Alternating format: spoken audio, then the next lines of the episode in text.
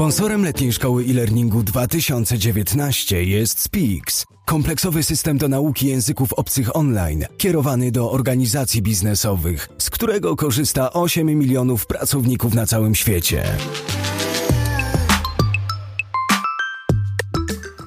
Cześć, to już drugi odcinek letniej szkoły e-learningu. Mnie udało się pomiędzy odcinkami zorganizować sobie dwutygodniowy urlop. Taka to magia internetu. Jak słyszycie zapewne po moim lekko ochrypniętym głosie, to wakacje się udały, bo był upał i klimatyzacja załatwiła mi e, górne drogi oddechowe, ale mniejsza z tym, to jakby mało interesujący temat. Co jest ciekawe, to to, że jedna z osób, która słucha podcastu i która udzielała się w e, poprzedniej edycji, Monika, e, podróżuje teraz gdzieś po Europie kamperem, chyba jakaś Dania, Niemcy, jakieś te, te, te rejony. I nagrała dla nas właśnie w temacie dzisiejszego odcinka, nagrała dla nas kilka wypowiedzi. Jedna będzie za chwilę, a jedna na koniec, więc nawet jeżeli już się z Przemkiem pożegnamy, to zaczekajcie na to, co Monika ma do Was do powiedzenia. A teraz skakujemy już do odcinka. Cześć, nazywam się Monika Lębkę i na co dzień pracuję w korporacji, w której zajmuję się tworzeniem, produkcją szkoleń online. W związku z tym stwierdziłam, że chętnie podzielę się swoimi przemyśleniami na temat tego, dlaczego ludzie w korporacjach niekoniecznie chcą korzystać ze, ze szkoleń online. Ja sama staram się z nich korzystać, natomiast oczywiście udaje się to od czasu do czasu między projektami. I wydaje mi się, że właśnie słowem kluczowym jest tu czas, bowiem choć zabrzmi to banalnie, wydaje mi się, że jednym z głównych problemów, dla których ludzie w korporacji po prostu nie korzystają ze szkoleń e-learningowych, jest brak czasu. Zakładam, że tyczy się to nie tylko ludzi pracujących w korporacji. Ogólnie w Polsce y, ludzie pracują bardzo dużo. Wydaje mi się, że jesteśmy narodem, który pracuje y, stosunkowo dużo w porównaniu do innych krajów europejskich generujemy niezliczoną liczbę nadgodzin i najnormalniej w świecie nie starcza już czasu na to, żeby zrobić coś dla siebie, dla własnego rozwoju. Dodatkowo ludzie w korporacji sterowani są e, KPI-ami, deadline'ami, no i po prostu nie mają już głowy do tego, żeby usiąść teraz przed komputerem, nie wiem, włączyć platformę e-learningową czy LMS-a, w zależności co jest dostępne w e, korporacji i wyszukać dla siebie interesujące szkolenie. No, no niestety, no, tak to nie działa. Drugim powodem, dla którego moim zdaniem e, pracownicy nie chcą korzystać ze szkoleń e-learningowych, jest to, że y, i tak muszą wykonać masę szkoleń obowiązkowych, i nie chodzi mi tylko i wyłącznie o takie powiedzmy typowe szkolenia obowiązkowe w każdej korporacji, czyli szkolenia compliance'owe, czyli na przykład szkolenie BHP, szkolenie z etyki, szkolenia, które albo wynikają po prostu, ich obowiązek ich ukończenia wynika z przepisów prawa, bądź też y, z regulacji wewnętrznych firmy. Taki niepokojący trend, który ostatnio obserwuję, to to, że w momencie, gdy pojawia się e, nowe szkolenie w ofercie, i myślę, że bardziej dotyczy to szkoleń technicznych niż e, szkoleń miękkich, założenia przypisuje się je jako obowiązkowe pracownikom. Po prostu zakłada się, że jest to szkolenie na tyle wartościowe, że każdy pracownik powinien je e, ukończyć, czy mm, tego chce, czy nie. No i myślę, że przez to, że liczba tych szkoleń rośnie, w efekcie taki pracownik musi ukończyć około 20-30 godzin szkoleń online e, rocznie. No siłą rzeczy kończy się gdzieś ta motywacja i, i, ta potrzeba poszukiwania szkolenia online z własnej woli. Po prostu pracownicy mają już taki przesyt szkoleń obowiązkowych, że ciężko oczekiwać od nich, że zrobią coś jeszcze ponad to, co zrobić muszą. Swego czasu wierzono, że takim lekarstwem na właśnie ten brak aktywności e, pracowników i na mm, jakby aktywizację ich będzie e, tak zwany mobile learning, czyli szkolenia oferowane na telefonach. No i pewnie wszystko byłoby pięknie, gdyby nie fakt, że no jeśli już jestem w firmie i mam do wyboru kończenie szkolenia na komputerze i na telefonie, no to pewnie wybiorę komputer, no bo po pierwsze większy ekran, e, no wydaje mi się większa wygoda e, korzystania z tego, z tego szkolenia niż, niż na małym ekranie telefonu. No, ale gdzieś tam pewnie wierzono, że skoro telefon, no to mobilność, no to pracownik może te szkolenia kończyć nie tylko w firmie. No i jakby y, założenie prawie dobre, natomiast niestety prawie robi dużą y, różnicę, ponieważ y, no umówmy się, no pracownicy nie chcą spędzać czasu czy to w drodze do pracy, czy to w drodze z pracy do domu na kończeniu szkoleń korporacyjnych. Także no, wydaje mi się, że tutaj też e, nie do końca ten pomysł był e, trafiony. Oczywiście jak najbardziej cały czas dążymy do tego, żeby te szkolenia były e, stosunkowo mobilne, żeby można było je odtworzyć na telefonach, ale obawiam się, że takiego no, drastycznego wzrostu ukończenia szkoleń e-learningowych przez pracowników właśnie w związku z tym, że będą one dostępne na telefonach, nigdy się nie doczekamy. E, bo znowu, no, myślę, że nie, sedno problemu nie leży w tym, czy to szkolenie jest, e, ma możliwość ukończenia na, na, na telefonie, czy nie. Myślę, że tutaj medium akurat nie jest E, nie jest problemem, e, tylko chociażby rzeczy, o których e, mówiłam wcześniej. Bardzo Ci dziękuję za tę perspektywę. To, to bardzo ciekawe, co mówisz, bo odnosimy się do tego również w naszej rozmowie i część tych tematów potwierdza ankieta i badania, które przeprowadziliśmy. A co my mamy do powiedzenia w tym temacie? Hmm. No, myślę, że kilka ciekawych e, perspektyw i kilka ciekawych rozwiązań. Zapraszam do rozmowy.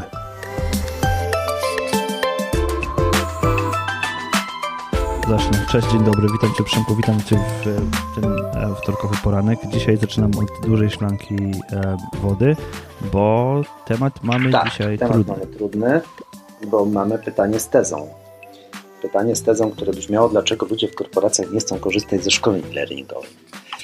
To jest pytanie z zakresu, wiesz, czym bić pracowników? Uch. Żeby korzystali.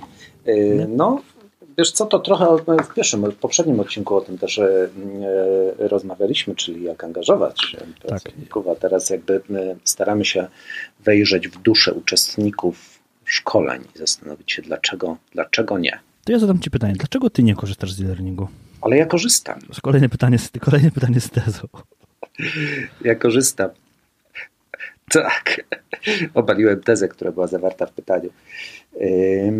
Dlaczego ja nie korzystam? No ja korzystam, no kurczę, no nie mogę powiedzieć, dlaczego nie korzystam, ale mogę ci powiedzieć, jakie mamy odpowiedzi, dlaczego ludzie nie korzystają. Dobra, dajesz, dlaczego nie korzystają? I oczywiście, to, to tak trochę się tutaj bronię, nie? ale to nie do końca jest prawda, bo mógłbym korzystać w większym zakresie. Mam takie szkolenia gdzieś tam na swojej liście szkoleń, które wiesz, zacząłem i porzuciłem. Mhm. Dlaczego się nie powinienem tutaj przyznawać i, i pewnie każdy tak Ja ma. też mam, ja te, też takie mam, Uf, nawet za nie no zapłaciłem. Wiesz? No, no dokładnie, dokładnie. To, to nie motywuje, nie? Chociaż czasem się tak wydaje, jak zapłacę, to potem przejdę, bo przecież kurczę, zapłaciłem. A to nic z tego. Wiesz co... Ym ja myślę, że tutaj jakby dotykamy ważnej kwestii i to fajnie by sobie gdzieś było zapisać na boku, że to jest takie w szkoleniach takich B2C, że wysoka cena sprawia, że ludzie częściej przechodzą do końca szkolenia. Szkolenie za, wiesz, za 5 dolarów na Udemy to kupisz i nigdy go nie zaczniesz i takich, takich przypadków pewnie jest mnóstwo. Ja dziś w rozmowie z, z Bartkiem Rycharskim właśnie o tym rozmawiałem, ale no ale tak jest. No dobra, ale w korporacji ludzie za szkolenie de facto nie widzą, mhm może nawet nie, że nie płacą, no bo płacą, tak? bo firma płaci, więc ci też płacą za to. Co mamy w tej ankiecie? W sensie, tak. dlaczego nie korzystają? No dobra, to ja, ja ci powiem taką, taką historię, żeby zilustrować to, co jest najważniejszym punktem, zanim przejdziemy do omówienia y, wyniku. No wyobraź sobie, że y, idziesz na szkolenia jakieś w swojej organizacji, ale na szkolenie takie stacjonarne, warsztatowe. Jestem w stanie to sobie tak? wyobrazić jesteś w stanie. I na pewno byłeś nieraz uczestnikiem i pewnie y, większość zdecydowanie słuchaczy letniej szkoły i learningu również, więc potrafią sobie to, potraficie sobie to doskonale wyobrazić. Teraz wyobraźcie sobie, że idziecie na takie szkolenie, ale y, zawieracie kontrakt z trenerem, jak to bywa y, na takich szkoleniach na początku, ale kontrakt wygląda tak, słuchajcie, jak zadzwoni telefon od klienta, to go odbieram. Mhm. Jak przyjdzie do mnie klient, to go muszę obsłużyć i on ma priorytet jak dostanę ważnego maila, to muszę na niego odpowiedzieć. Mhm. Ale w przerwach między tymi działaniami, to ja jestem na szkoleniu. No i y, jak wynika z naszego badania, to właśnie ten problem dotyczy szkoleń learningowych. To znaczy, że zawsze jest coś ważniejszego do zrobienia i że w przeciwieństwie do szkoleń tradycyjnych, na szkolenia e-learningowe nie ma zarezerwowanego odrębnego czasu. Zgadzam się. Tylko robi się je przy okazji. I e, słuchaj, to jest e, absolutnie dominująca odpowiedź e, w naszym badaniu, to znaczy te dwa czynniki. Właśnie, bo ponad 70% odpowiedzi to jest właśnie, że zawsze jest coś ważniejszego do zrobienia i 50%, że nie mamy zarezerwowanego czasu odrębnie na szkolenie learningowe. W przeciwieństwie do szkoleń tradycyjnych, tak? bo tam de facto masz, idziesz na szkolenie, jesteś cały dzień wycięty i jeszcze zawierasz ten, ten kontrakt z trenerem, tak? że jesteś tu i teraz, e, że telefon masz wyciszony, że nie odbierasz maili, jesteś skoncentrowany na tym, co robisz. A w przypadku szkolenia e-learningowego bardzo często jest tak, że traktujemy je na zasadzie przy okazji. Zrób je pomiędzy obsługą kolejnych klientów. Mhm. To jest, to jest główna tak. przyczyna. E, tak zwany mi, mi, zmorowy tak, międzyczas. międzyczas międzyczas. Tak, dokładnie. Dokładnie tak. Mhm. E, Dobra, to, to pierwsza, czyli pierwsza rzecz, że mamy tego niezarezerwowany, niezarezerwowany czas, mhm. tak? Nie ma czasu robić tego e-learningu, dlatego ludzie go nie chcą robić. No okej. Okay.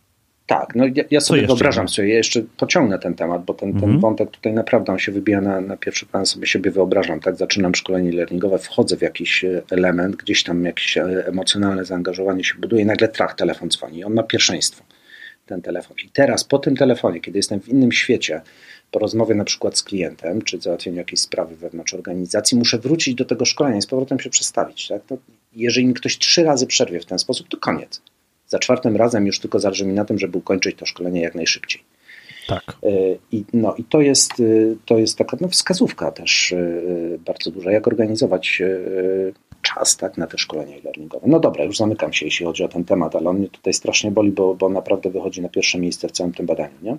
Mhm. Znaczy nie, nie, wiesz co, wiesz co to, to, to, jest, to jest super ważne, bo, bo ja też to widzę, widzę po sobie, że zmiana, zmiana kontekstu, czyli przełączanie się pomiędzy kontekstami, przełączanie się pomiędzy kontekstami, nie wiem, uczenia się, pracy, e, relaksu, relaksu i pracy, pracy i szkolenia i tak dalej, przełączanie się między tymi kontekstami jest bardzo kosztowne energetycznie. Jakby wymaga od nas bardzo dużo zaangażowania, bo to jest adaptacja do innej sytuacji. No nie? Mhm. I, I powiem Ci, w czym ja to zauważyłem. Zauważyłem to w kwestii grania kiedyś, jak, jak grałem sobie w gry, jakieś RPG i tak dalej, jakieś wiesz, Elder Scrolls i w ogóle, to okazało się, że ja jestem w stanie poświęcić na tę grę, nie wiem, grać w 3 godziny ciągiem. No nie? W momencie, kiedy grałem 3 godziny ciągiem, to ta gra miała sens. W tej chwili y, no po prostu nie mogę sobie na to pozwolić, bo nie mam dostępnych 3 godzin ciągiem na przyjemności własne, więc e, nie jestem w stanie grać w takie gry. Nie jestem w stanie, wiesz, zagrać w Wiedźmina, czy w Diablo, czy coś tam. Dlaczego? Bo ja nie pamiętam, o co chodziło. Ja nie pamiętam kontekstu, w którym ja zasuwałem z tym mieczem. No I właśnie tutaj myślę, że nawet to, to jest ryzyko ogromne dla nas projektantów i learningów, twórców i dostarczycieli, że zbudowanie nawet najwspanialszej historii, zbudowanie najwspanialszego scenariusza i cudownego storytellingu, jeżeli nie zadbamy o ten czas, to idzie na marne.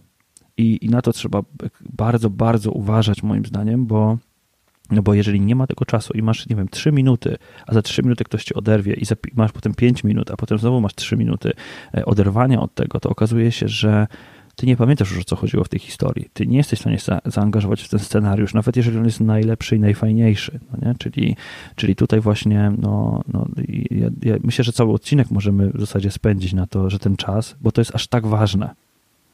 Mhm jest ważne i, i, mocno zaniedbane, mam wrażenie. Tak? Już mam takie wrażenie, że jak jest szkolenie learningowe dostarczone, to sprawa jest załatwiona. A tymczasem ono też wymaga czasu. Mhm. E, i do wyodrębnionego czasu, ale jeszcze pozostając e, trochę w klimacie gier, to powiem Ci, że ja oczywiście mam ten sam problem i z tego powodu też nie gram w gry generalnie, ale mam na przykład jedną ulubioną, którą bardzo lubię, to jest Formuła 1, e, bo ona jest ekwiwalentem takiego mikrolearningu. Mianowicie tam sobie wchodzę, robię sobie dwa kółka, to mi zajmuje 10-15 minut i wiesz, i wychodzę.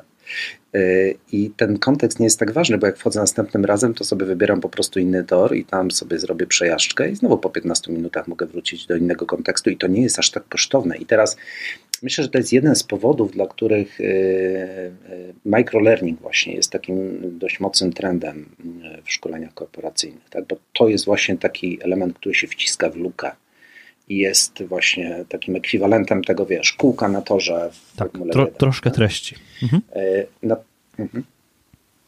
Mhm.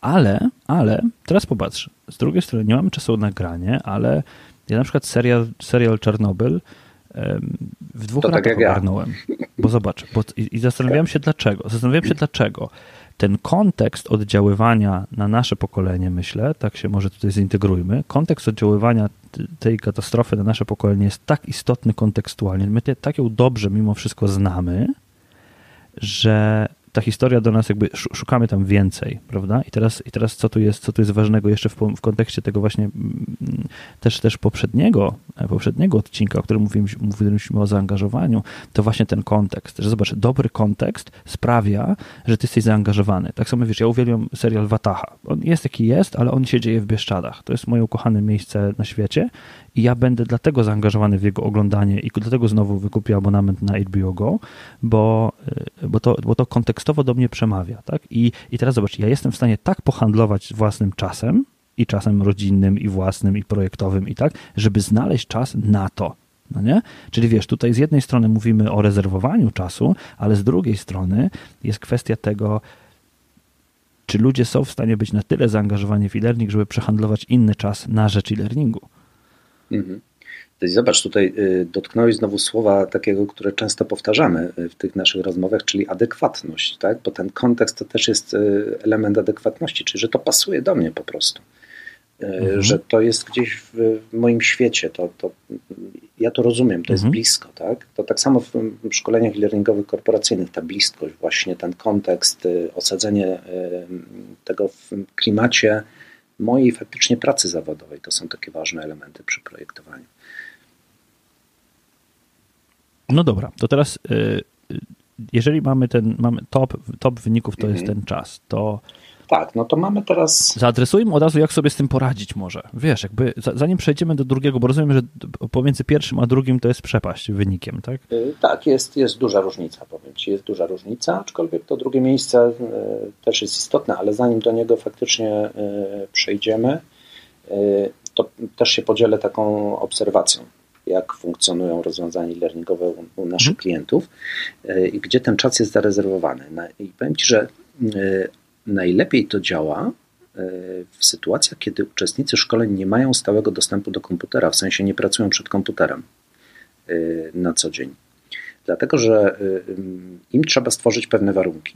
Tak? Mamy na przykład takiego klienta, gdzie ludzie pracują w, nie przed komputerami, tylko w obsłudze klienta i żeby oni przeszli jakieś szkolenie learningowe, to oni muszą iść do jakiegoś miejsca, w którym ten komputer stoi i tam mają dostęp oczywiście do swojej, do, do swojej platformy i do swoich szkoleń, ale jak oni tam są, to oni są właśnie tam, tu i teraz, tak?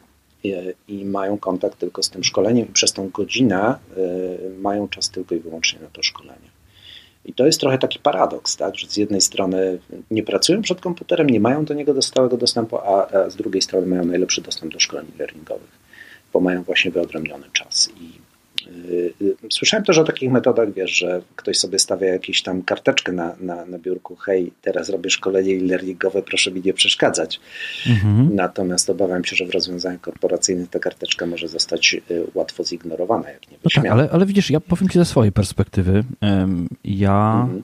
E, wykorzystuję do robienia szkoleń, do uczenia się, do, mm, wiesz, bo jakby nie, mo nie mogę tylko i wyłącznie odcinać kuponów w korporacji od tego, co się nauczyłem gdzieś kiedyś, więc jakby ja się, ja się też uczę mm, i spędzam sporo czasu na, wiesz, na, na, na, na naukę i powiem Ci jakby jaką ja mam praktykę. Ja po prostu staram się w piątki pracować z domu i jeżeli pracuję w piątki z domu, to te piątki są Um, oczywiście nie całe, ale powiedzmy z pół tego piątku to jest takie rozwojowe, nie? czyli jakby wstaję w domu rano, wiesz, jakby nie, nie stracę czasu na samochód i tak dalej, ale wyciągam sobie, nie wiem, Harvard Business Review i sobie go czytam, jakby e, szukam tam rzeczy, jakby selekcjonuję rzeczy, które, wiesz, powinni się moi ludzie o nich dowiedzieć, sprawdzam, czytam, robię kursy e-learningowe też czasami, no nie?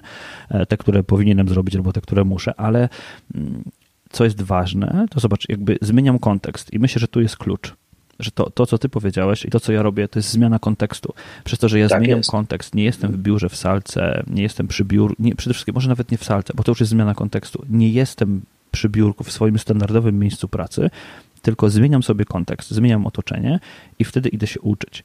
I, i powiem ci, że to moim zdaniem jest klucz. Czyli po pierwsze mieć ten czas, jakby wymusić też, wymusić rezerwację tego czasu zmianą miejsca, zmianą kontekstu. Nie wiem, zarezerwowaniem sobie na dwie godziny salki konferencyjnej. E, bo zobacz, jak jesteś na spotkaniu i ludzie w korporacji są na spotkaniu, to to jest święte, tak? tak to ta, to jest święte. ta kultura spotkania jest na tyle silna, że to jest Oczywiście. święte, ale jednocześnie, jeżeli byś zobaczył pracownika, że nagle w godzinach pracy siedzi sobie na zewnątrz e, na ławce i czyta książkę, to mogłeś powiedzieć, o, marnuje czas. A może on się właśnie uczy, może on właśnie czyta coś, co jest mhm. super istotne, no nie? Więc jakby tutaj wiesz, tutaj, tutaj jest, jest właśnie to, to, to po pierwsze zmiana kontekstu, a po drugie wyważenie, mm, co tak naprawdę, na czym nam tak naprawdę zależy i kiedy ci ludzie to, to te ważne rzeczy powinni robić. Mhm. No i bo trochę, tak. bo trochę, trochę, trochę deprecjonujemy ten e-learning. Trochę wiesz, jakby on jest ważny, jak go robimy, ale jak on już jest w procesie, to trochę mam wrażenie, że mm, nie nadajemy mu odpowiedniej wagi i istotności w organizacji. Mhm. No oczywiście, to jest znowu ten element podkreślenia znaczenia tych mhm. szkoleń e, i, i, rozwoju w ogóle w organizacji i zmiana tego kontekstu jest konieczna. Ty masz akurat tą fajną sytuację, że możesz w piątek e, wyodrębnić sobie ten czas i to jest fantastyczne. Prawdopodobnie większość pracowników w dużych organizacjach nie ma takiej możliwości, jeżeli ta organizacja tego w jakiś sposób nie zorganizuje. Mhm. E, I czy usankcjonuje, tak, że to jest ok że tak właśnie ma być, że przez dwie godziny jesteś w innym świecie i w innym kontekście i tu masz pewne warunki stworzone do tego i to jest po prostu święte jak spotkanie. I nie, nie musisz nic innego, prawda? Tak, nie musisz nic innego, wręcz właśnie tak, nie możesz mhm. nic innego właśnie, bo żeby nie było tak, że się pojawi jakiś element, który ma wyższy Jasne. priorytet, akurat w tym wyodrębnionym czasie. Mhm. I to jest, myślę, kwestia rozwiązań organizacyjnych wewnątrz dużych y, organizacji, bo tego jakby od dołu nie da się samemu na poziomie jednostki, czy tak powiem, uczestników szkoleń e, zmienić, to, to jest rozwiązanie organizacyjne. E, to na etapie projektowania takiego rozwiązania powinniśmy, e, czy my jako projektanci, czy, czy my jako zamawiający, nawet zapytać o to. W sensie, jak, jak rozplanować proces uczenia się jak, jakie możemy okienka uczenia się rozplanować. No bo wyobraź sobie, ty na etapie projektowania nie możesz pociągnąć jednej historii, która będzie trwała dwie godziny, bo to nie będzie miało sensu, bo ci ludzie może będą mieli po godzinie rano, tak? E, I e, czyli determinant projektowy istotny, a z drugiej strony istotna rzecz jest taka, że w komunikacji przedszkoleniowej powinniśmy ludziom powiedzieć o tym, słuchajcie, przetestowaliśmy to, albo ten materiał jest tak zaprojektowany, żeby zajęło tyle i tyle czasu. Jedna sesja uczenia powinna zająć mniej więcej tyle i tyle. Rozplanuj w ciągu tygodnia tyle i tyle czasu i to powinno być jasne jako, jako przedszkoleniem, ale też z drugiej strony um, powinna być taka sytuacja, że to przełożeni osób, które się uczą, dostają taką informację dużo wcześniej że to oni powinni zaplanować, jeżeli oni planują czas tych ludzi, to oni powinni to zrobić. I, i tu myślę, że to jest taki też jeden z protipów, który, e, który gdzieś chciałbym, chciałbym zawrzeć, że nie możemy komunikacji szkoleniowej tylko wysyłać do ludzi, którzy się uczą. Musimy ją wysyłać do ludzi, którzy się uczą i do ich przełożonych, a czasami nawet jeszcze jeden poziom wyżej, bo ta rezerwacja czasu e, czasami wymaga właśnie zmiany w samej organizacji i no nie, możemy tego ignorować, nie możemy tego zostawić samemu, sam, samemu sobie, bo, bo jakby kultura organizacyjna zje to na śniadanie po prostu. Tak jest. No myślę, że 9 przypadków na 10 to jest tak, że y, bardzo dużo zależy od bezpośredniego szefa i od jego podejścia, tak i od tego, w jaki sposób on będzie ustalał priorytety y, i budował tą przestrzeń czasową na ten, na znalezienie się w tym innym świecie właśnie, mm -hmm. świecie, świecie rozwoju szkoleń. Dobrze, czy coś jeszcze do tego związanego, do tej kwestii tak. związanej z czasem chcesz dodać? Y, nie, w zasadzie myślę, że ją zamknęliśmy, a to jest taki, tak jak powiedziałeś, protip y, numer jeden, że tak powiem, który mógłby bardzo dużo zmienić, jeśli chodzi o podejście do szkoleń, tak i skuteczność też tego całego procesu. Nie? Tak, i to, i to wiesz co, mhm, ja, ja, myślę, że to nie tylko właśnie w e-learningu korporacyjnym, w e-learningu wszelakim. Tak. Samemu uczę, jeżeli uczymy się samemu, to, to, to, był, to był jeden z elementów letniej szkoły e-learningu w tamtym roku, czyli jak się uczyć online, ale to jest też adekwatne do e-learningu, bardzo, bardzo do, adekwatne do e-learningu akademickiego, w której w zasadzie mówimy o, ok, studenci mają 100% czasu, żeby się uczyć. Nie, nie w dzisiejszym świecie. I, I, to też musimy im powiedzieć, jak sobie zorganizować ten proces uczenia, czasami jaka powinna być kadencja uczenia się, tak? Bo w kucie podręcznika przed egzaminem to może nie być to, co naprawdę chcemy uzyskać, prawda? Więc jakby ta, ta że tak powiem, rowerowo kadencja dostarczania treści, kadencja uczenia się mm, też jest, y, też jest tutaj jakby w różnych kontekstach, nie tylko korporacyjnym, bardzo istotna. Tak, i wyszedł nam taki uniwersalny, fajny wniosek, widzisz. E, I, i jak najbardziej słuszny oczywiście. E, no, ale to przejdę teraz do tego e, numeru dwa. Tak? Mhm. Jestem bardzo ciekawy. Numer dwa brzmi tak. Szkolenia e-learningowe kojarzą się z nudnym przekazem wiedzy i testem końcowym. I też całkiem sporo, sporo odpowiedzi. No, także tutaj od, otwieramy wielką przestrzeń, że tak powiem. Dlaczego, dlaczego tak jest? To co, mam, mam coś na ten temat powiedzieć, czy, czy ty chciałbyś zacząć? Mam mhm. mówić. Śmiało, śmiało, śmiało. No dobra, no właśnie, myślę, że y, największy grzech, który zdarza nam się jako projektantom, y, czy zleceniodawcom również po stronie y, biznesu popełniać, to jest skupienie się w szkoleniu e-learningowym na wiedzy. I na tym, że szkolenie służy do tego, żeby nauczyć, przekazać wiedzę i tak dalej. Ile razy, słuchaj, spotykamy się właśnie z tak zdefiniowanymi celami e, ciągle.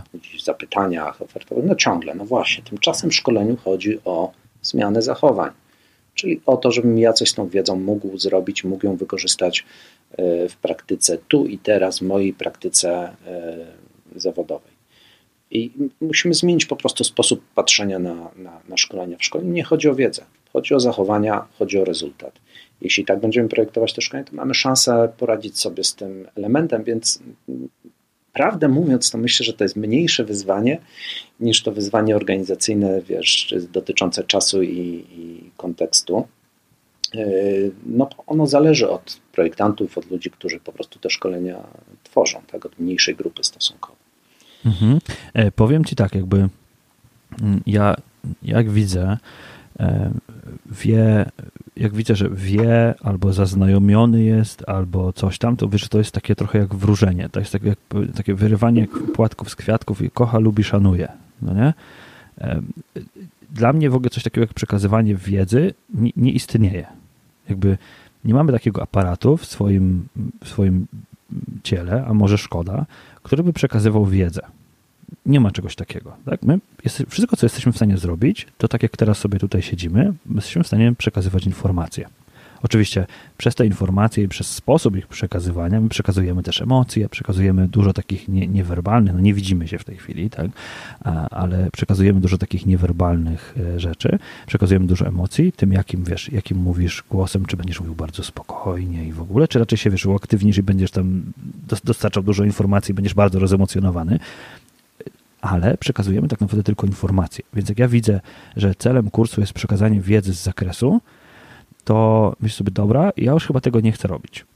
Naprawdę, ja wiesz, jakby mam, mam taki komfort, że nie muszę tego wszystkiego robić, więc jednocześnie mam taki problem, że najchętniej to bym e, wtedy tego nie robił. I, e, ale z drugiej strony mam na przykład szansę czasami projektowania strategii dla jakiejś organizacji. Na przykład dla organizacji, w której aktualnie pracuję, strategia jest prosta zmieniamy zachowania użytkowników w zakresie bezpieczeństwa informacji na takie, które są bezpieczne. Czyli zmieniamy zachowania użytkowników na bezpieczne. Kropka. I co mi to daje? I to jest, to jest ogromny, ogromny plus tego, co to daje. I chcę pokazać to, jakby powiedzieć jaka jest wartość tego. Jeżeli to zdefiniujemy, to każde pytanie, które będziemy sobie zadawać projektowo, jest po prostu, czy to zmienia zachowanie, czy to nie zmienia zachowania, czy to wpływa na zachowanie, żeby było inne, czy nie wpływa. Wiesz, jakby po prostu jest błyskawiczny podział. Jeżeli coś nie wpływa na zmianę tego zachowania, to niech tego nie będzie, tak? Nie przeładowujmy tu pewnie przejdę do innego tematu, oczywiście dlaczego nie chcą korzystać, ale taka rzecz, takie rozstawienie y, y, sprawy, czyli zmiana zachowań rozwiązująca problem jakiś, to nam natychmiast odsiewa wszystkie treści, które są zbędne, niepotrzebne, albo powinny być jako treść dodatkowa, albo zasugerowana gdzieś tam w piątym rzędzie. No nie?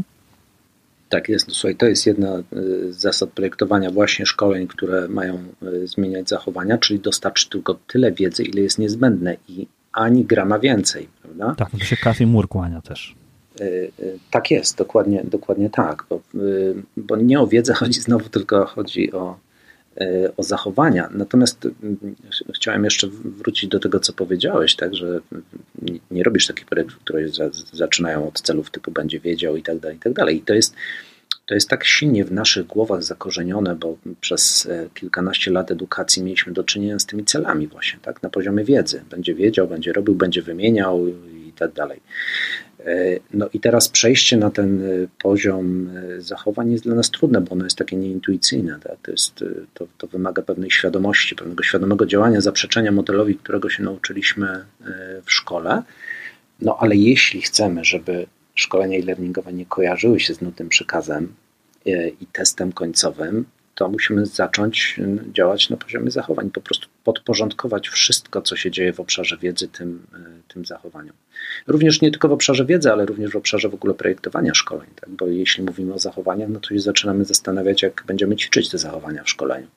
Czyli jakie, jakie ćwiczenia, jakie wyzwania postawimy przed uczestnikiem, żeby on mógł sobie przećwiczyć tak? te nowe e, prawidłowe zachowania. I, i, I, to się staje kluczem do, do skutecznego projektowania szkolenia e-learningowego, a wiedza tylko uzupełnia e, to szkolenie, czyli tam, gdzie jest niezbędna i tylko w takim zakresie, w jakim jest niezbędna i ani troszeczkę więcej. To jest bardzo ważna rzecz. Tak, ale to, to jest też trudne, zwłaszcza jak się pracuje przy, z ekspertami, bo eksperci mają swoją perspektywę na, na taki materiał. W sensie ja wiem, albo na przykład moim konikiem jest, to wiesz, tak jak na studiach było, nie? Mhm, jak szedłeś na, na egzamin, to wiedziałeś, że dany wykładowca y, interesuje się tym, więc na pewno będzie pytał z tego.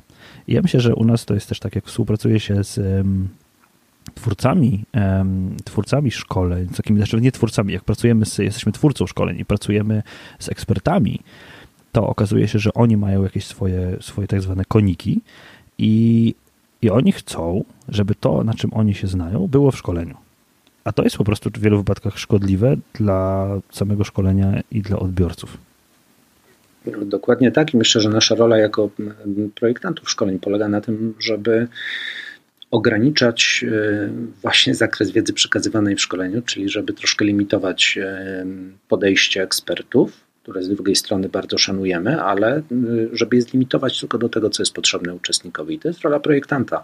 Na etapie założeń do szkolenia czy budowania koncepcji tutaj to się powinno zadziać, krótko mówiąc.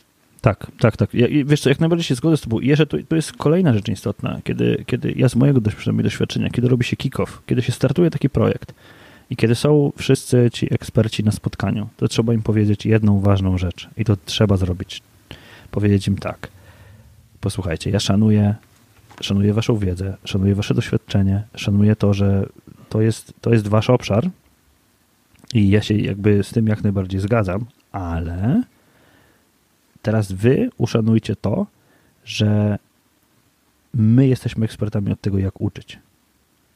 I jak się to uda zrobić, to, to jest duża szansa na powodzenie takiego rozwiązania. Tak jest, no, to jest taka mieszanka, która jest potrzebna. Tak. Równowaga, nie? Mhm. Czyli jest, jest ekspert od uczenia, dokładnie, jest ekspert od uczenia, jest ekspert mhm. od tematu. I jeżeli się uda to połączenie zrobić, no to wtedy jesteśmy, jesteśmy w domu, że tak powiem. Okej, okay, Piotr, słuchaj, ale ja mam do Ciebie pytanie, bo myślę, że tak, ten wątek Dajesz. troszeczkę zamykamy, ale y, jest odpowiedź, która znalazła się hmm, na trzecim miejscu. Y, I ona brzmi tak, słuchaj, w szkoleniach e-learningowych brakuje bezpośredniego kontaktu z drugą osobą. Mhm, zgadzam no, się. Powiedz, jak Ty byś sobie z tym poradził? E, wiesz co, ja mam trochę tutaj takie, takie mieszane, mieszane uczucia, mieszane podejście, bo brakuje go dlatego, że ono nie zostało zaprojektowane. Kropka. Ja kiedyś pracowałem do takiej firmy, która nazywa się Moodle Rooms. Ona ciągle istnieje i tam, słuchaj, najpierw się uczyłem e, dużo Moodla, w sensie Moodla jako platformy, ale też uczenia przez Moodla, a potem sam, sam uczyłem przez tego Moodla. I słuchaj, tam ten kontakt był. Bo to nie jest tak, że tego kontaktu nie może być. Ten kontakt może być, tylko ten kontakt trzeba zaprojektować. E, I kontakt z mentorem, kontakt z e, osobą, która jest ekspertem z danego tematu, wcale nie musi być ograniczony. Więc jakby to jest moim zdaniem projektowo ograniczona kwestia. E, druga rzecz jest taka, że mamy w tej chwili wszelkie narzędzia do tego, żeby robić tak zwany mhm. peer, peer learning, czyli uczenie się od innych ludzi. Jeżeli popatrzysz na to, jak jest zaprojektowana taka platforma jak, nie wiem, Masterclass, jak zdekonstruujesz sobie to, jak, jak ona jest zrobiona, to tam masz materiał wideo, tam masz forum, i masz QA z ekspertem. Czyli ty możesz nagrać swoje pytanie w formie wideo i ekspert ci na to pytanie odpowiada też w formie wideo. Więc e, nie ma moim zdaniem żadnych technologicznych ograniczeń w tym, żeby, takie, żeby taki, taki problem rozwiązać. Są tutaj za to ograniczenia pewnie budżetowe, czyli niezaplanowanie tego, że taki kontakt z ekspertem jest potrzebny. I zastąpiłbym go wtedy peer learningiem. Po prostu tym, że będzie, mm, będzie forum, będzie forum pytań i odpowiedzi, że ktoś to będzie moderował, ale mm, zależy to też od szkolenia, prawda? Bo ja na przykład wiem, korzystam z takiej platformy jak Pluralsight.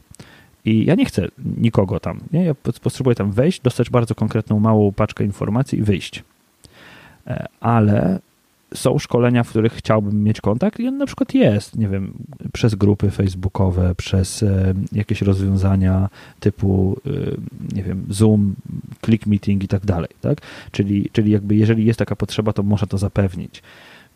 I ja nie wiem, czy to jest, wiesz co, czy to jest Dobra, ja będę teraz bardzo szczery i może anty naszemu raportowi, ale nie wiem, czy to nie jest wymówka po prostu. Mhm. Jasne. Wiesz co, no też dodam, że to wcale nie jest punkt, który zdobył jakoś szczególnie dużo głosów. Yy, także aż on nie jest tak wysoko w tym całym yy, rankingu. I ja sobie myślę, że to jest tak, że 8 na 10 szkoleń pewnie w ogóle tego kontaktu nie potrzebuje, bo to bardzo mocno zależy od tematu, yy, od tego, na ile hmm, szkolenie jest powiedzmy zniuansowane, tak? czyli na, na ile liczą się miękkie niuanse w szkoleniu akurat, tak? czyli dotyczy bardziej obszarów miękkich, czy bardziej twardych itd., tak itd. Tak Natomiast faktycznie takie rozwiązania technicznie są dostępne, na pewno budżetowo i organizacyjnie są bardziej e, wymagające, ale ja bym przyjął po prostu, że w e, rozwiązaniach e-learningowych typu szkolenia, tak, tak zwane paczki SCORM, e, żeby to strywializować, mhm. w większości przypadków po prostu ten kontakt nie jest aż tak bardzo konieczny. Nie? No, zgadzam się, ale to jest, wiesz, to jest taki moim zdaniem taki argument, y, y, że wsiadam do autobusu i się złoszczę, bo y, nie mogę nim kierować. Mm, no, no nie możesz, no bo wsiadłeś do autobusu. No to, to, po prostu jest inna forma, tak? To jakbyś, wiesz, nie wiem, i szedł na szkolenie stacjonarne i powiedział, a no ale nie da się pana przewinąć. No, no nie da się, bo to jest szkolenie, szkolenie stacjonarne, prawda? No i to, to, to, to wiesz, jakby myślę, że to jest taki, taki trochę argument, e, argument mm, oklepany argument na to, że mogę się nie zaangażować, bo, bo nie. Ale co mi to tutaj daje, co mi to przy, przyciąga to do głowy? E, ważną rzecz, a mianowicie próg wejścia i wyjścia. E, I to myślę, że tu jest w tym kontekście istotne. Próg wejścia do szkolenia online w korporacji jest czasami bardzo wysoki. Po pierwsze, na LMS-ie to szkolenie jest trudne do znalezienia jeżeli masz je znaleźć sam. E, po drugie, czasami ktoś musi cię na nie zapisać. Nie możesz sobie się sam na nie zapisać, albo jeżeli nie jest w jakiejś tam odpowiedniej puli szkoleń, to nie możesz z niego skorzystać. Więc okazuje się, że bardzo szybko podnosi się nam próg wejścia do tego materiału. A próg wyjścia jest jedno kliknięcie obok, tak? Czyli jakby klikasz na inną zakładkę, już cię nie ma. Jeżeli porównasz to do szkolenia stacjonarnego, to jest zupełnie inaczej. Ktoś zapisuje cię na szkolenie, jedziesz na to szkolenie, spędzasz wysiłek, jakby wiesz, że masz wrażenie, że ono więcej kosztuje niż szkolenie online, chociaż nie zawsze tak jest. Jedziesz gdzieś, jesteś w delegacji, załatwiasz dużo rzeczy i już w tej sali, jak jesteś, to próg wyjścia z tej sali, taki społeczny, mm, społeczna bariera wyjścia stamtąd jest wysoka, prawda? Czyli jakby dojście do niego jest w wszelki sposób ułatwiony jest wyjazd na to szkolenie i ty trochę chcesz na nie jechać, bo wiesz, jak jest jeszcze w fajnym miejscu jest i w ogóle, Oczywiście. to chcesz jechać tam, e, czyli masz motywację do tego, żeby przez to przejść. Ktoś ci zapisuje, pomaga i w ogóle, ale wyjść nie możesz i masz ten dedykowany czas, więc jakby myślę, że to jest, to, to jest zaadresowana trochę taka tęsknota za tym, żeby, żeby właśnie wrócić do tej takiej równowagi, która była która była, e, nie wiem, na studiach, która jest na studiach podyplomowych, na jakichś szkoleniach weekendowych czy nie weekendowych i tak dalej, że mamy trochę więcej opieki przy wejściu, ale potem wyjść jest trudniej, no nie? Więc jakby myślę, że to jest taka trochę, trochę zaadresowana ta tęsknota właśnie za tym realem. Mhm. No bardzo fajna metafora. Mm a szczególnie ta z kierowcą autobusu. Myślę, że ona trochę podsumowuje y, ten wątek. Tymi barierami też się zgadzam. I oczywiście, tak jak wejście można ułatwiać, to trudno y, utrudnić mhm. wyjście, prawda? Bo to cały czas będzie jeden klik y, od nas tylko. Jasne, jak najbardziej, ale wiesz, czasami prosta technika, taka jak, zobacz, dostarczenie szkolenia na tablet dostarczenie szkolenia na tablet w postaci aplikacji, przez to, że nie możesz multitaskingować w zasadzie, mhm. że możesz się tylko przełączać między aplikacjami, ale masz tę aplikację na full screenie, okazuje się, że ludzie dużo lepiej te treści konsumują na przykład z tabletu. Albo jeżeli, aplika- jeżeli włącza się na full screen, czyli jest taka, wiesz, distraction free, nie widać mhm. tych wszystkich powiadomień, nie widać, że ty masz 15 maili nieodebranych, 30 czegoś tam, 70 czegoś tam, no nie? Jeżeli masz full screenowe, to ludzie dłużej w tym szkoleniu zostają. Ale idąc w kierunku krótkiego podsumowania, jest jeszcze jedna rzecz moim zdaniem, i to jest rzecz projektowa, i to jest rzecz, którą ja, ja staram się walczyć. Dlaczego ludzie nie chcą korzystać z e-learningu? Bo ludzie, którzy wdrażali ten e-learning, wdrożyli go w zakresie, którego nie lubią. Czyli na przykład HR-y nie lubią szkolenia BHP, muszą je dostarczać no to wtedy myślę sobie, ok, to zróbmy nasze szkolenie BHP. I co się dzieje? Ja to wiele razy obserwowałem, więc jakby staram się z tego wyciągnąć jakąś tam hipotezę, taką prawidłowość jakieś. Nie mówię, że to będzie prawo, ale, ale jakby widzę taką prawidłowość. Całą nienawiść, którą mieli wobec tego szkolenia stacjonarnego, z tego w sali i tak dalej, przelewają na ten e-learning. I oni go nie lubili. I oni go nie lubili projektować, oni go nie lubią wdrażać, oni go nie lubią mieć. Nie? Bo nie lubili tego szkolenia tradycyjnego. I, bo nie podeszli też właściwie projektowo do tematu. Ale teraz, jak ludzie mają taką nienawiść wobec tego szkolenia, bo po cokolwiek, to potem ta nienawiść idzie dalej. I ktoś przychodzi do organizacji i pierwsze szkolenie, z którym się spotyka w organizacji, online'owe, jest po prostu nieciekawe. Jest złe, że tak powiem. I i jeżeli od tego zaczniemy, to my nie przekonamy potem ludzi, żeby e-learning był, że e-learning może być fajny. Nie jesteśmy w stanie tego zrobić, bo on dla nich już nigdy nie będzie fajny, bo oni pierwszy raz się spotkali z tym, że e-learning był po prostu niefajny. Mhm. I myślę, że to jest też ważne, że taka klątwa e-learningu w wielu organizacjach jest. Tak, to, to jest też taka sytuacja, z którą się spotykamy czasami, yy, kiedy klient stoi przed yy, dylematem, od czego zacząć i tam się pojawia oczywiście BHP, no bo to jest taka oczywista potrzeba organizacji, co zacznijmy od BHP. No i to jest niebezpieczne oczywiście. Co nie znaczy, że każde szkolenie BHP musi być złe i nudne, bo ono może być też dobrze zrobione. Ale, to jest, ale wbrew pozorom to jest wdzięczny temat. Tak, tak, ja, ja, też tak uważam, prawdę mówiąc, więc ja bym chętnie tutaj mit e, nudnego BHP e, obalił, bo myślę, że można je zrobić naprawdę bardzo, w bardzo ciekawy sposób. E, znowu, jak się zacznie od poziomu zachowań, tak, czyli czego my oczekujemy od tych ludzi, a nie, a nie zacznie mhm. się od poziomu wiedzy, no bo wtedy to będzie nuda. E, no, ale to jest y, ryzykowne podejście, nie? Także jeśli chcemy zaczynać od BHP, e, to faktycznie zastanówmy się, jak je zrobić dobrze. Wiesz co, A można. można. I tutaj nie, nie, nie, ma, nie, ma, nie ma dwóch no. zdań, tak? Ale właśnie mm -hmm. chodzi mi o to, żeby, e, że tutaj jakby ja wiem, że dość trochę wyżywamy na, na ludziach zamawiających, ale uważam, że zamawiają, bardzo, bardzo dużo zależy od zamawiającego, bo, bo prawda jest taka, no sprzedawcę zatrudnimy takiego, żeby sprzedał, tak? I on sprzeda to, ale ale, ale zaangażowanie na etapie tworzenia jest konieczne. No nie da się, chyba że to jest copy-paste i potem, potem się ktoś dziwi, no, no Moodle i PDF-y. I niestety to, to, ta forma też ma znaczenie. Wiesz, ja na przykład zauważyłem dużo większe zaangażowanie ludzi w momencie, kiedy szkolenie było zrobione w Rajsie albo w, Jezu, jak to się w Elucidat chyba się to nazywało, to drugie, czy Gomo, czy coś takiego. Mniejsza z tym, ale miało inną formę. Wiesz, nie miało formy e, klikania dalej i wstecz, tylko inna forma, sprawiła, że zupełnie inny był odbiór. I, i myślę, że zachęcałbym tu do eksperymentowania również z formą. Wcale nie formą narzędzia autorskiego, ale może formą, nie wiem, e-maili. Czegokolwiek, prawda? Mhm. Tak, żeby zbudować trochę takie poczucie świeżości, nie? Szczególnie w, w organizacjach, w których ten e-learning jest już tam mocno zakorzeniony i, mhm. ludzie dziesiątki tych szkoleń przechodzili, to jak Dokładnie każde kolejne tak. wygląda tak Dokładnie samo. tak. To już tego efektu świeżości nie ma, nie? Także na pewno warto eksperymentować i do tego bym zachęcał bardzo mocno, bo Y, to nie jest łatwe też w rozwiązaniach korporacyjnych i organizacyjnych, bo to, to są wrażliwe tematy, takie eksperymentowanie, tak? czy, czy jakieś nadmierne poczucie humoru. Y, łatwo przekroczyć granice takiej jakiejś też kultury wewnętrznej, organizacyjnej, pewnej poprawności. Także to nie jest y, łatwe, ale też zachęcałbym do odwagi. Warto, warto, warto próbować. Super. Dziękuję Ci bardzo. I teraz chciałbym Cię prosić o, o, krótkie podsumowanie. Tak? Trochę się też zróbmy sobie dla nas z tego e-learning. zróbmy, sobie, zróbmy sobie z tego dla nas, e, dla nas ćwiczenie. Jakbym Cię mógł prosić o krótkie podsumowanie? To, to dlaczego ludzie nie chcą korzystać z e-learningu? Jasne. Wiesz, to tak na końcu Twojego komentarza gdzieś dotarłeś do początków, e, takie miałem wrażenie, czyli do tego, od czego zaczęliśmy, czyli to był numer jeden, czyli wyodrębniony czas na, na szkolenia e-learningowe. Dokładnie tak, jak na szkoleniach tradycyjnych.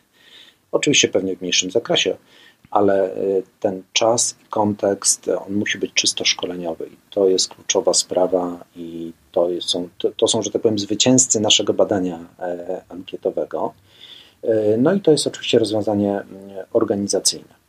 Druga sprawa, o której mówiliśmy, to mówiliśmy o tym, że szkolenia e-learningowe kojarzą się z nutnym przekazem wiedzy i testem końcowym. I teraz, żeby z tym zerwać, no to recepta jest jedna. Zaczynajmy projektowanie szkolenia od y, zachowań, które chcemy zmienić i od problemu, który chcemy rozwiązać. I to jest dla nas kontrintuicyjne, bo mamy inne nawyki wyniesione y, ze szkoły, ze studiów przez lata edukacji y, formalnej. No i o czym rozmawialiśmy na końcu, co było trzecim punktem, no tam już popłynęliśmy, słuchaj, wiesz, wątki były różne naprawdę, więc trudno mi z nich wyciągnąć może w jakiś usystematyzowany sposób e, wnioski, ale e, dużo było o tych metafor, o tej analogii do szkoleń tradycyjnych, tak jak powiedziałeś, tak, że wyjeżdżasz gdzieś, to jesteś tylko w tym świecie i w świecie uczenia się i, i rozwoju. I tak samo trzeba podejść do, do e-learningu. No i na końcu zamknęliśmy to taką pewną odwagą, tak, żeby mieć odwagę, żeby budować coś świeżego, coś innego, żeby łamać pewne schematy. E, a w rozwiązaniach korporacyjnych mamy wielką pokusę, żeby się schematami, które raz sprawdziły się, e, posługiwać ponownie. E, no więc dajmy sobie jakąś taką przestrzeń, taką odwagę, żeby czasem te schematy łamać, żeby budować emocje, żeby budować zaangażowanie w ten sposób. To, że my zmieniamy sposób nauczania, wcale nie oznacza, że ludzie się uczą inaczej. I na to musimy mieć ogromną wrażliwość. Ludzie się uczą ciągle tak samo, ciągle potrzebują czasu, uwagi, zaangażowania, stymulacji i tego, żeby im powiedzieć czasami, że to jest ważne. No, to było piękne podsumowanie podsumowania. Dziękuję Ci bardzo, Przemku, za, e, za dzisiejsze spotkanie. No i oczywiście zapraszamy już w czwartek na kolejne. Dzięki również, Piotrze. Do usłyszenia. Do usłyszenia. Ale hola, hola, to nie będzie tak łatwo, bo jak obiecałem Wam, to zamkniemy ten odcinek fragmentem, który nagrywa dla nas Monika, więc oddajmy jej jeszcze chwilę naszej uwagi. No dobra, ale słuchajcie, żeby nie kończyć tak e, mega pesymistycznie, bo maluje nam się jakiś czarny obraz tego, tego e-learningu korporacyjnego, e, to powiem Wam, że to, co pozytywnego obserwuję i coś, co też daje taką, taką fajną nadzieję, że, że e, może troszeczkę ten odbiór szkoleń e, drgnie i nabierze pozytywnego odbioru wśród pracowników korporacyjnych, to to, że coraz częściej słyszę od e, moich kolegów z pracy, że sięgają po tak zwane MOOCi, czyli Massive Open Online Courses, ogólnodostępne szkolenia e-learningowe na różnego rodzaju platformach, między innymi na Coursera, na Udemy, na Udacity. I spotykam się z e, bardzo pozytywnymi opiniami na temat e, tych e, szkoleń. Mój kolega z teamu Bartek Polakowski ostatnio też kończył szkolenie z sztucznej inteligencji, który też gorąco polecał. I myślę, że tak naprawdę to jest taki dobry początek na to, żeby nieco zmienić tą sytuację i sprawić, żeby ludzie w korporacji sięgali po szkolenia online e, częściej.